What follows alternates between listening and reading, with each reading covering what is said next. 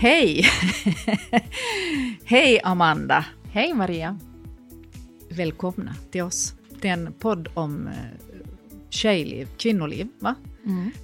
det låter lite töntigt, men det är allt annat än töntigt. I, idag ska vi prata om att byta bransch eller att jobba med olika saker samtidigt.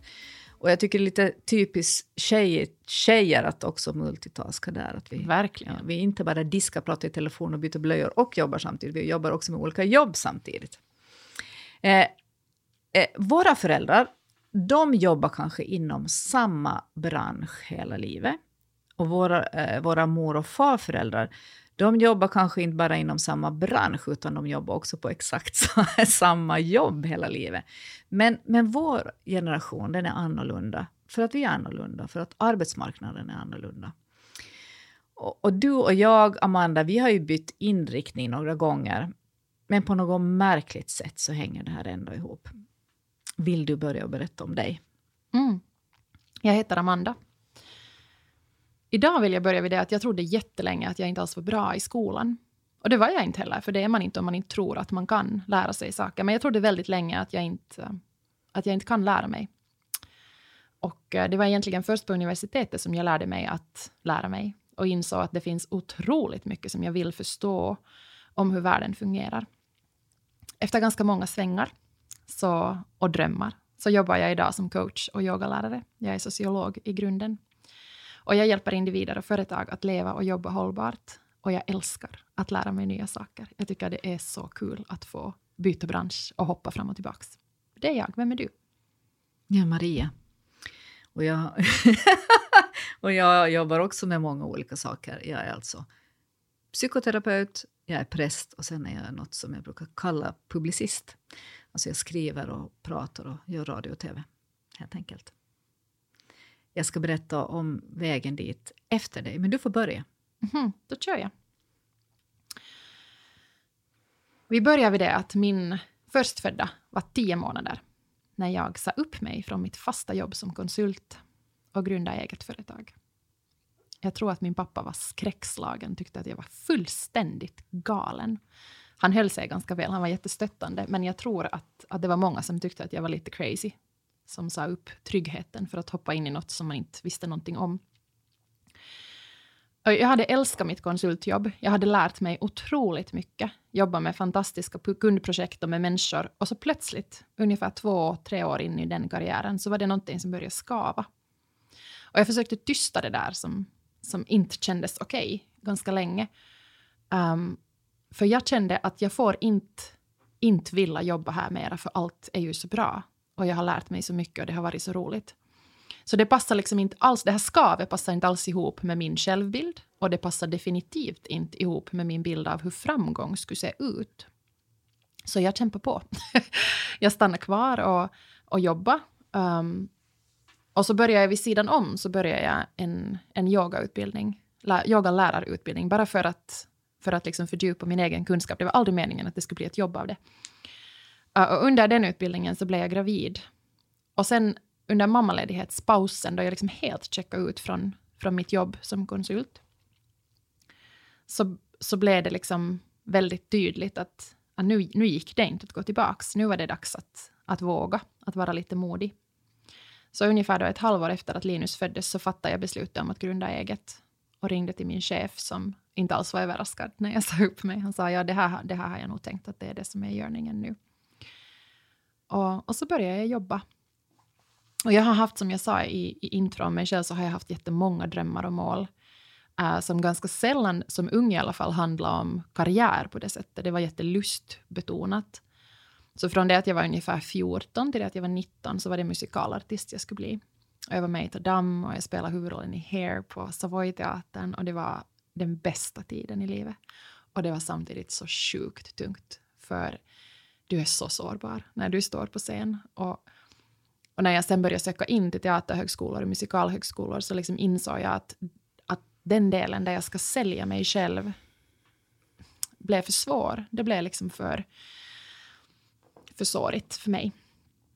Så efter lite om och men så, så blev det en annan story som var sann. Men ehm,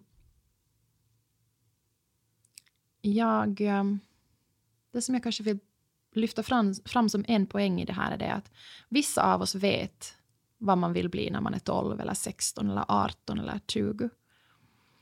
Och det är jättefint om det är så att man har det klart för sig. Det är jätteskönt. Men liksom sen är vi jättemånga som inte vet, som inte har koll. Och att då kunna, som jag till exempel, jag skrev studenten, jag, jag blev student, men det var absolut inte några fantastiska betyg. De skulle inte ha tagit mig in någonstans, tror jag, bara på betygen. Utan det att jag sen kunde söka in till universitetet med ett inträdesprov, det öppnade porten för mig. Och som jag sa i början så var det först där som jag fattade att aha, det är inte så att jag är korkad, att jag inte kan lära mig. Jag har bara aldrig lärt mig hur min hjärna funkar, hur jag, vad min studieteknik är. Och det var liksom ingen som hade riktigt lärt mig det heller under alla åren i skolan. Utan de ämnen jag var passionerad för, där gick det bra. Och det som jag inte tyckte att var så roligt, där gick det skit. Liksom, för det fanns ingen teknik att luta sig emot. Um, så för mig är det en jätteviktig påminnelse till, till våra politiker också, att lyfta fram det, att vi kan inte veta när vi är mitt i Alltså det finns ju jättemånga som inte vet ännu när vi är i vår ålder, eller ännu äldre. Och jag tycker det är underbart att man byter bransch när man är 50. Um, eller tänker så att man vill fortsätta jobba hela livet ut för att det är roligt att lära sig nytt och testa nya saker. Så vill jag leva mitt liv. Jag ska inflika lite här bara för att jag har varit så upprörd över det här, framförallt nu under det här coronaåret. Man har dragit in så mycket av inträdesförhören av säkerhetsskäl. Jag tycker det är en otroligt dålig ursäkt. Men, men eh, det var också en som sa att man till till exempel till psyka eh, framförallt vill ha sådana med matematisk begåvning för att de kommer lättare ur. Alltså de här bohemerna studerar helt enkelt längre och då tar det också längre innan universiteten får pengar. Men ingen funderar hur bra är man på sitt jobb? Hur lämpad är man? Utan man tänker liksom effektivitet och produktivitet. Och jag blir helt... Vi kan inte ens prata om det här för då börjar jag använda så fula ord. Så jag blir anmäld till någon nämnd.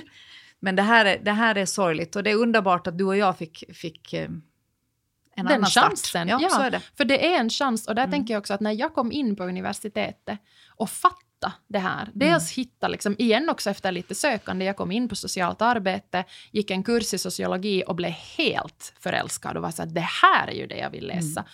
Och bytte huvudämne. Och sen, sen alltså jag hade, jag knarkade biämnen. Jag läste så otroligt mycket. Jag har nästan 100 studiepoäng överlopps. Och inte för att jag är någon stor begåvning, utan bara för att jag kunde inte sluta när jag började, för jag tyckte det var så sjukt intressant. Och jag hade mycket att ta igen kände jag, för jag hade ju mest varit i skolan för att hänga liksom socialt. ganska det, många år. Det, det, låter som jag. Jag har också två huvudämnen och sex biämnen. Ja, så är jag också. Jag tror jag har fem officiella. Mm. Men då fattar ja, du vad jag exakt. menar. Ja, ja. Och det är liksom det som jag fortfarande... Därför ville jag också bli min egen chef. För att jag ska kunna ge mig själv tillåtelse att hitta de här nya spåren och bara väva en större fläta av dem. Jag tror inte på det. Alltså det finns många branscher förstås där det finns liksom ett tydligare mm, spår. Mm, mm. Men min hjärna, min personlighet, min kreativitet är liksom inte riktigt skapad för det spåret. Mm. Um, och där tror jag att jag också kommer till min rätt när jag får vara min egen chef. Och liksom hittar jag på en idé så då tar det ungefär en och en halv dag så har jag pitchat den någonstans och tänker så här nu, nu vill jag testa. Finns det liksom ett behov? Finns det någon som är villig att köpa den här idén? Och kan vi göra det tillsammans med någon? Man har ju inte så mycket att förlora när man är en underdog. Nej, det har man inte och det är jätteskönt. Mm, underbart. Ja. Mm. Nu får du köra lite. eh, när jag var liten så ville jag bli lärare. Och, och jag praktiserade varje sommar på min fyra år yngre eh, lilla syster det innebar att hon kunde division redan som fyra, fyraåring. Jag snodde henne fullständigt på den här barndomssomrarna före, före skolan började, för att hon, hon gick, var i hårdträning redan då. Men, men sen i något skede där, säkert när hon tröttnade på den här kadaverdisciplinen, så, så ville jag bli präst. Och jag jordfäste möss på, på löpande band bakom lekstugan. Sen vigde jag också bort henne till traktens pojkar under sju, så där höll jag på. Men på 70-talet så fanns det inte tjejpräster i Finland. I Danmark var det 48, i Sverige och Norge 60 och 61, men i Finland 88. Alltså det är helt sjukt. Samma Gud, samma Jesus, men fullständigt olika syn på kvinnor och mäns rätt och kompetens. Eh, jag har inget minne av att någon någonsin skulle tala utbildning med mig. Och när det var då dags efter gymnasiet så, så körde jag på en hybridlösning av den här bar barndomsdrömmarna och det var religionslärare. Och det här låter ju lite fantasilöst och också kanske lite oambitiöst, jag vet inte, men jag hade faktiskt jättebra rellalärare och jag var också asbra på rella själv. Så här enkelt är det. Samma år som jag började läsa teologi så prästvigdes de första kvinnorna i Finland. Men på teologiska fakulteten så var det var killarnas värld. Manliga professorer, manliga perspektiv. Jag älskade det akademiska, men det fanns ju inga förebilder. Och inte var det direkt någon som upp uppmuntrade mig heller att bli präst. Så att jag höll på att svaja där, alltså helt eh, bortkastade år, jättemånga år bortkastade genom att till exempel jobba på YLE och jobba med radio och tv. Eh, och så jobbade jag som lärare. Men hela tiden så hörde jag ett pip. Som ett biljud i batteriet, som en tinnitus. Tills jag fattade att det här var kallets ton. Gud har ju nämligen inte alltid basröst som kommer ner från ett moln.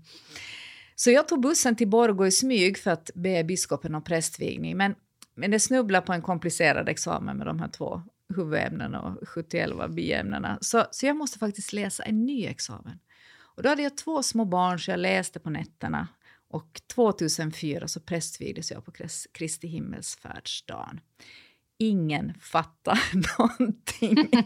Min mamma sa att nog vill mamma Maria höra en mans röst i predikstolen. Och, och ja, mina närmaste jo förstår, men ganska många som inte förstår. Eh, och sen så jobbade jag med det i åtta år, men det var otroligt svårt att kombinera det jobbet med fem barn. Min man var ensam på veckoslut och den här organisationen kan faktiskt kryssa i alla boxar för ohållbart och ohälsosamt arbetsliv. Kvinnliga präster hör till den yrkesgrupp som har flest sjukskrivningar.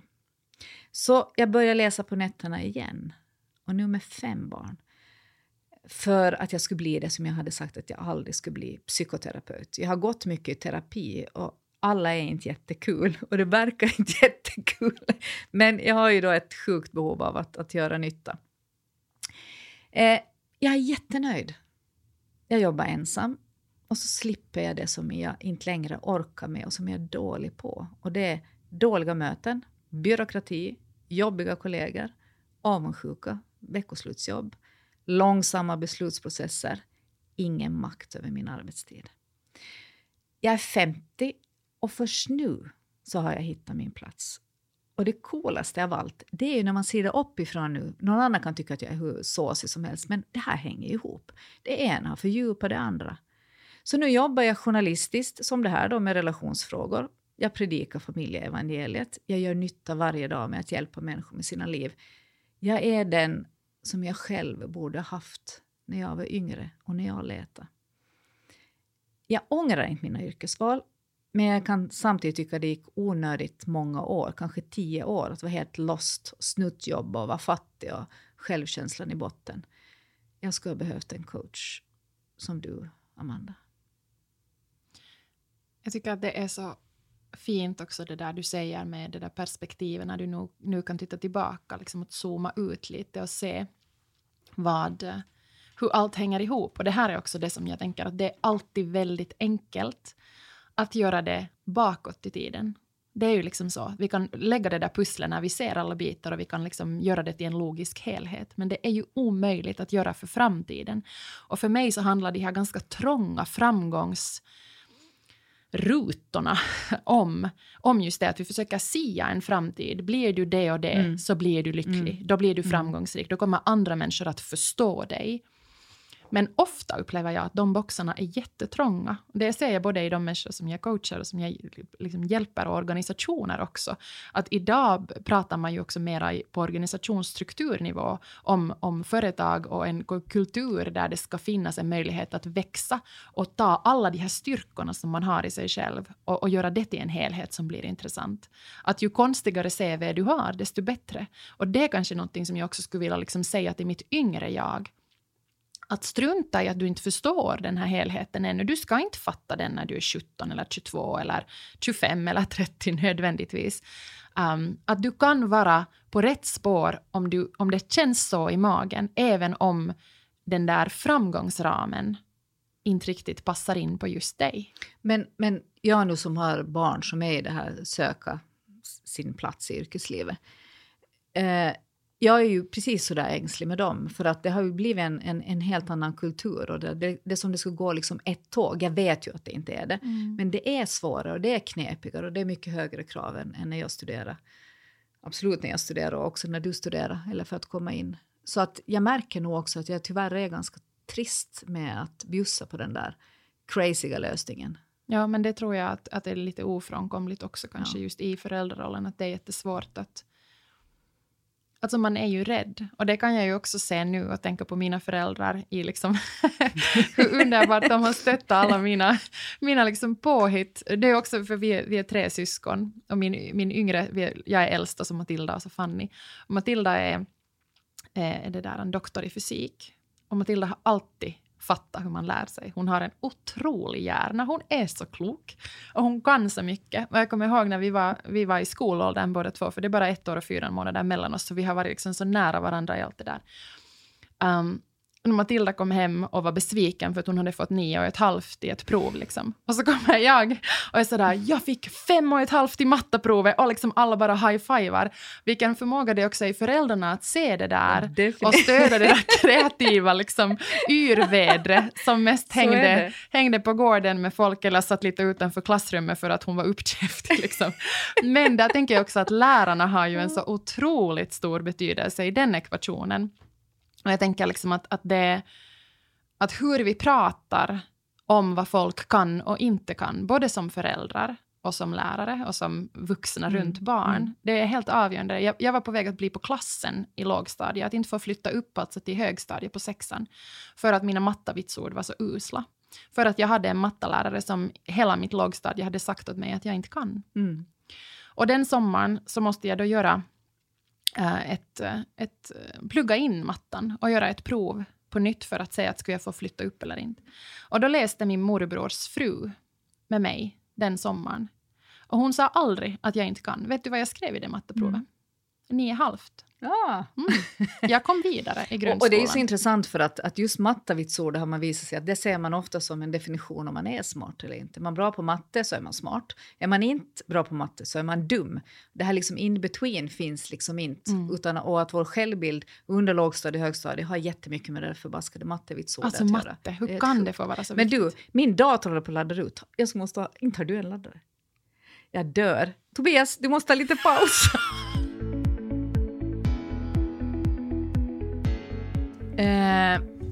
hur, hur ska man veta vad man vill? Det, det är en fråga som man ställer sig eh, eh, mellan 18 och 25, men på riktigt så mellan 18 och 95. och, och jag tänker så här att jobb, det ska vara en hybrid mellan vad man gillar, vad man är bra på och det man kan försörja sig med. Vad tänker du om det? Mm, det är jättebra. Inom den um, positiva psykologin så pratar man om olika nivåer på lycka. Och, eh, och där är den första nivån eh, är, är det behagliga livet. Det är så att jag gör något som ger mig en, en känsla av välbehag. Jag ser på en film med Julia Roberts och äter popcorn. Och det pikar min njutning en liten stund. Men gör jag det fyra timmar i sträck så blir jag spyfärdig. Det är liksom ganska kortvarigt. Det är den första nivån. Den andra är det goda livet. Och, och där är vi liksom ett steg djupare och mer meningsfullt. Det betyder att man använder sina styrkor och, um, och börjar lära känna sig själv och lite hitta sin den här inre kompassen.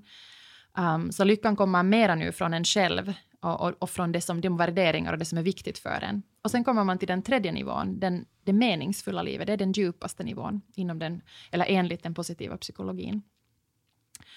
Och där så handlar meningen om det att man gör någonting som är större än en själv.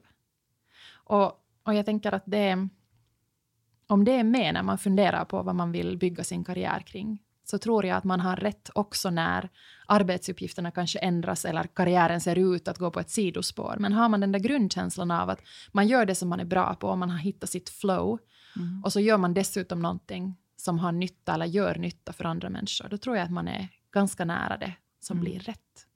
Men jag tänker också det här med, som du var inne på, det här med att, att jobba med musik till exempel. Alltså, att det inte ens räcker att vara, att vara bra på det, utan man måste vara liksom sjukt bra. Man måste liksom vara bäst. Men du kan också vara, det var liksom kanske den insikten, nu sitter jag här och låter som om jag skulle vara bäst, det är inte det jag menar. Men jag tror att det inte ens bara är det att du behöver vara jätteduktig. Jag tror att du behöver förstås ha det ganska mycket. Mm. Men sen behöver du vara så väldigt duktig på allt det andra också. Du behöver vara uthållig. Mm. Du behöver kunna sälja mm. dig själv. Du behöver stå ut med misslyckande på misslyckande på misslyckande. Extremt hård konkurrens, osäkerhet. Uh, saker som är ganska stora att ta in för en 17-18-åring. Det är liksom ingen trygghet, du ska hela tiden stå där blottad på scen, liksom naken framför alla. Um, att, och det, det, tror jag också gäller mer än bara kreativa yrken. Men man snackar ju aldrig om det här. Nej. Man snackar ju bara liksom om den där rå eller mm. rå begåvningen. Men också liksom betydelsen av, av avdriv eller struktur eller mm. planering eller just uthållighet. Jag tror att det är helt avgörande. Men sen så finns det liksom den andra ytterligheten här att alla kan bara de vill. Och det där liksom, tycker jag är liksom otroligt liksom, irriterande, för att det är faktiskt Nej, det, är, det ju inte så. Alltså, titta vem som söker in till jury eller media eller Hanken eller Teaterhögskolan. Alltså, det är några som kommer in, men det är en fruktansvärt lång lista eh, på de som inte kommer in. Och de ville precis lika mycket. Mm. Så att, att säga det till någon är ju att sätta en extrem liksom, belastning, tycker jag. Att då, aha, okej, okay, jag kommer inte in, det beror det för att jag inte ville tillräckligt. Och det är en sån där framgångspsykologi liksom, som jag liksom tycker är sjukt jobbig. Men jag tänker liksom hela tiden också att det är ytterst få egentligen som kan bli vad vi vill. Alltså om vi pratar om barndomsdrömda astronaut eller neurokirurg eller dirigent eller vad man nu har för omnipotenta drömmar. Så att resten av oss, vi måste, vi, måste, vi måste hitta ett good enough alternativ som sen kan bli hur bra som helst. Amen. Mm. Det tror jag verkligen på. Och sen så behöver vi ju också i arbetslivet, jag jobbar jättemycket med självledarskap, att hjälpa människor att lära sig att leda sig själva. Det jobbar jag med också i mig själv jättemycket eftersom att vara egenföretagare betyder ju att du ska ha alla hattar samtidigt. Uh, och det är jättesvårt att vara sin egen chef när man vill, när man som jag är ganska otålig och man vill att saker ska hända snabbt. Och varför går det så långsamt? Ah, för att vi är en i mitt företag som ska göra allt. och ingen annan Amanda är lika snabb som du. Nej, så är det ju dessutom så.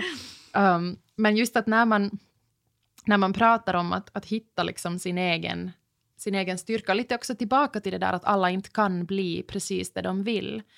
Det kräver också mod att, att inse det själv eller kanske också få lite hjälp av någon annan att höra att att, att dina styrkor, absolut, det här är du bra på, men det krävs också allt det här andra för att just det yrket ska vara rätt för dig. Och liksom, men samtidigt kunna öppna dörren för något annat, att det kan finnas något som har med till exempel då musik eller med, med att, att stå på scen att göra. Jag tänker på mitt jobb idag som jag aldrig kunde fantisera om när jag var 19 och insåg liksom att musikalhögskolan kommer ju inte att kunna bli liksom, för jag, jag är inte redo att satsa allt det som, som krävs och det kan hända att det annars heller inte heller skulle ha gått men um, men idag får jag ju också göra det. Jag föreläser, jag får stå på scen.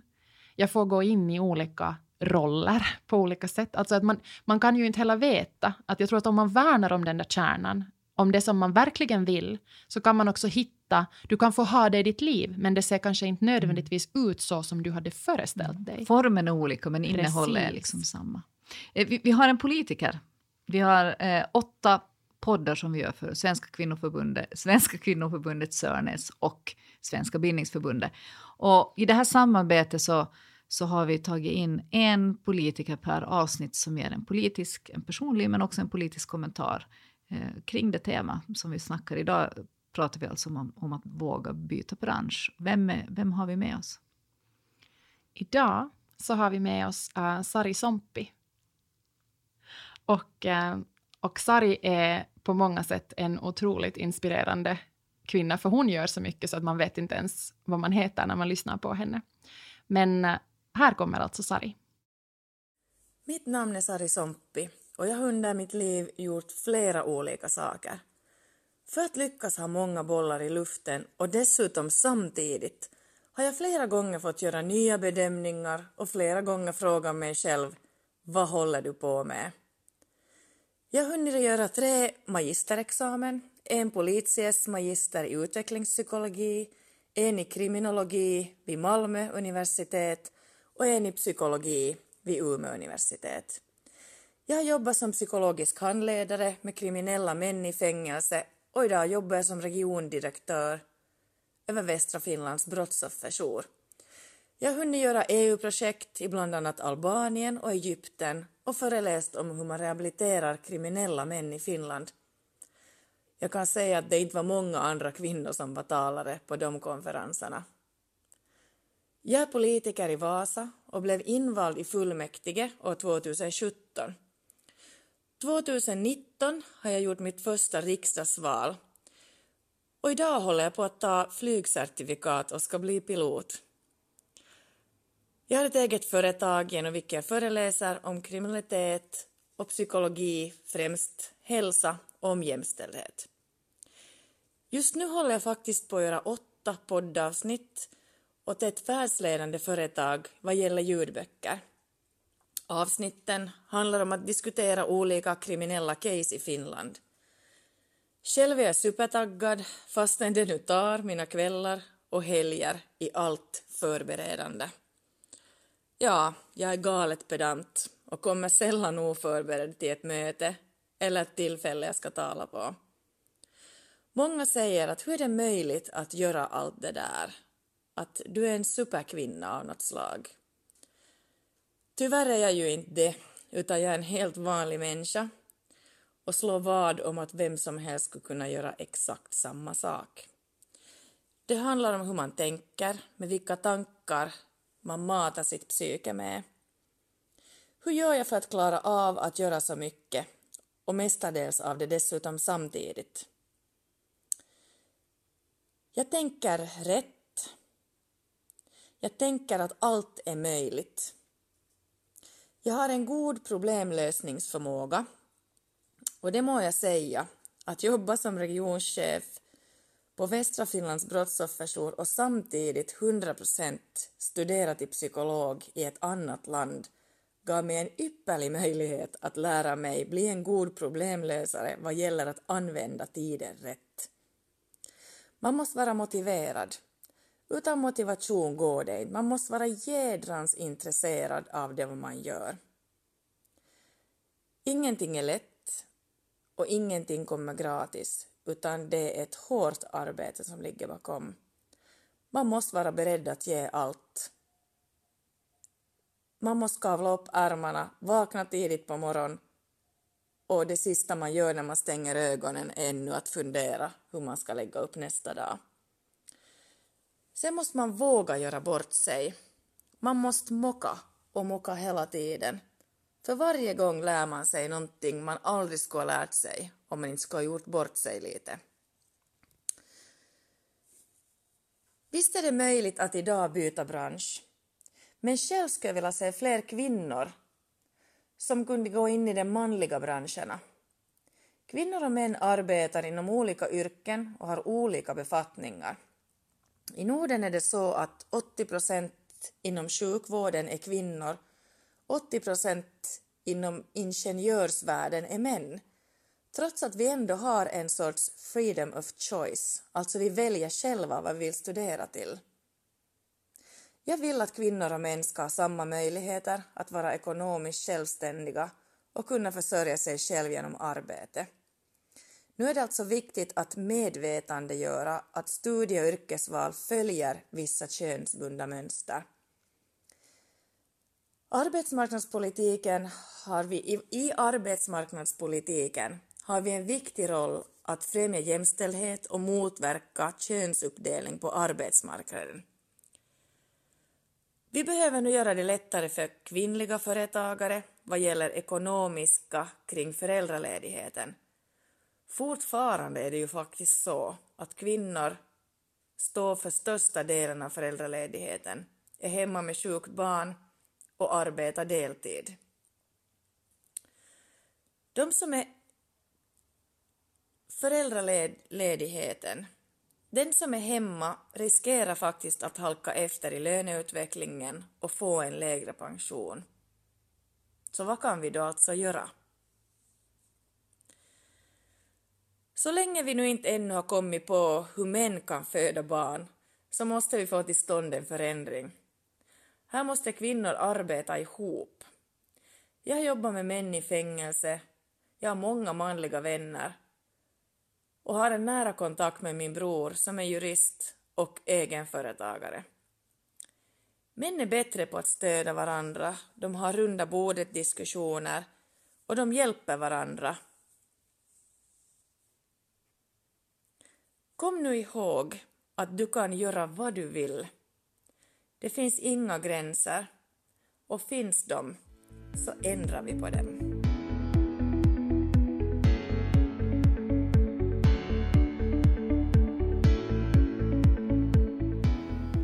Tack Sari. Du sa precis tvärtom mot vad jag sa just, att allt inte är möjligt, tänker jag. Men du kanske har rätt, det är kanske de här gränserna som jag har satt eller andra har satt, I don't know. Eh, och du har en beundransvärd CV. Du slår till och med Amanda och mig. Vi som rabblar upp här, herregud vilka prestationsprinsessor. Vi måste ju nästan be om ursäkt tycker jag till våra lyssnare. Det kan nog hända att vi får Ja, göra ja, det. det är lite pretto det här. Fast det Ja. som jag tycker om med Sari, um, jag har också träffat henne utanför hennes CV, Mm. är ju det att, och, och det som hon också säger här, som jag tycker att det är en jättebra sak att komma ihåg, är det att Sari är duktig på allt det hon gör och har den där CVn, därför för att hon inte, hon har varit orädd. Mm. Och det är också en sån grej som jag tänker att, att vi alla behöver liksom, ja, men få lite skinn på näsan. Det är Mm. det som jag beundrar jättemycket med Sari, för att hon, hon, hon har den inställningen att hon testar, hon står ut med att hon mockar Mm. ibland, och så lär hon sig någonting Mm. av det. Och så bygger hon liksom vidare på den här egna kunskapsstegen eller den här Mm. kunskapspusslet som hon har.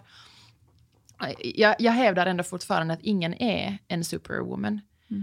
Utan allt har ju också sitt pris och allt betyder ju liksom, jag menar, sitter man, jobbar man så mycket som Sari gör så då gör man ju också det att man sitter på kvällar och helger till exempel Mm. för att förbereda sig och så har man sin nivå på hur man också vill göra. Jag menar, det vet ju du och jag också som är duktiga flickor och, och vet hur vi vill ha det. Um, och det handlar ju jättemycket också om, om självkännedom och att veta var de egna gränserna Och självkänsla. Mm, tänker jag. Det, att, att man, som hon säger, att man står ut med att mocka. Men jag tänker också att det, det är en stor skillnad också att studera som vuxen eller att ha en examen Absolut. bakom sig. För att det, det, det är faktiskt att man är smartare, man fattar vad som är viktigt lättare, man, man slarvar på ett annat sätt och sen är man också, man måste ju vara helt sjukt motiverad för att man kunde ta en mycket lättare väg och hålla sig vid sitt vid plan A eller jobb 1, men man går vidare. Och sen är man ju inte så distraherad av studentlivet och studentsång och, och så här. Utan man gör liksom andra grejer. Man, man jobbar när man jobbar helt enkelt. Men det som jag nog liksom tar med mig också av vad Sari säger och som jag faktiskt tror att är sant för oss alla är att jag tror att alla människor har någonting som de är bra på. Mm.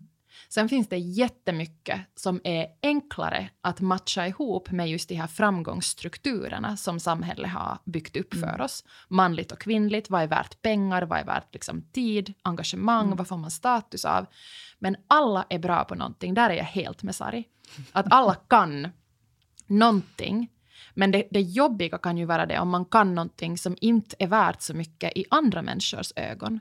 Som inte så att man får applåder av, liksom, att det inte blir en enkel våg att rida på. Det blir ganska mycket arbete att både hitta det i sig själv och sen försvara det mot den här omgivningen. Och, och där tänker jag att vi alla skulle gynnas så väldigt mycket av att, av att könsstrukturerna skulle luckras upp, att det inte skulle finnas så starkt manligt och kvinnligt i branscher, att vi skulle få betalt för det jobb vi utför på lika grunder. Um, och att det skulle, jag, jag tror på riktigt också det, att det moderna arbetslivet är mer och mer på väg mot det här, att just de här udda, knäppa kombinationerna kommer att vara värda sjukt mycket. Det säger ju kanske någonting om någon. Just att man åtminstone är man ju riskbenägen. eh, veckans energiboost, Amanda, för dig? Boosten den här veckan har varit det att jag är ganska nöjd med HR-avdelningen i mitt företag. Jag har en ganska bra... jag har varit en ganska bra chef den här Okej, veckan. berätta. Ja, men, mm, jag har satt som mål för den här månaden att, eh, att det ska finnas plats för återhämtning och kreativitet under mina arbetsdagar. Jag kämpar länge med det att jag, jag upplever att riktigt jobb, det gör man framför datorn. Mm.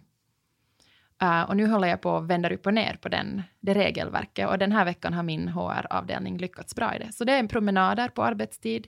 Det är ibland tupplurar på arbetstid. Ibland ett litet yogapass. Uh, tid för att läsa, att lyssna på vad andra säger och tänker. Samtal.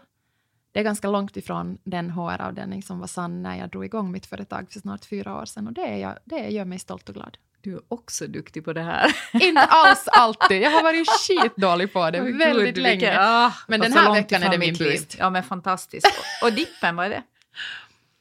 Ah, det är ekonomiadministration. Det är så tråkigt mm. och så nödvändigt. Mm. Det måste man också orka vara lite engagerad i som egenföretagare, så, för det är man. jätteviktigt. Ja. Um, så det är väl dippen, att hålla på och pilla med en massa kvitton. När jag har gjort det så är det alltid en ganska boost, men medan jag är i det så är det dipp. Före man gör det. Så är det är också vidrigt, ja. Du då? Eh, boosten så, så var faktiskt eh, att träffa människor som jag inte har sett på jätte, jättelänge. Vid havet, på klippor, mycket vuxna, mycket barn, sol, käk, snack. Alla glada och alla hade liksom en sån här sällsynt tacksamhet för att man fick ses.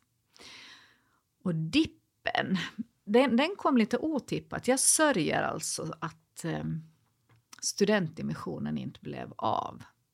Jag har ju en student och det blev ingen fest. Det blev liksom blekt, det blev tråkigt, det blev ledsamt. Hon var ledsen, jag var ledsen, alla var lite ledsna.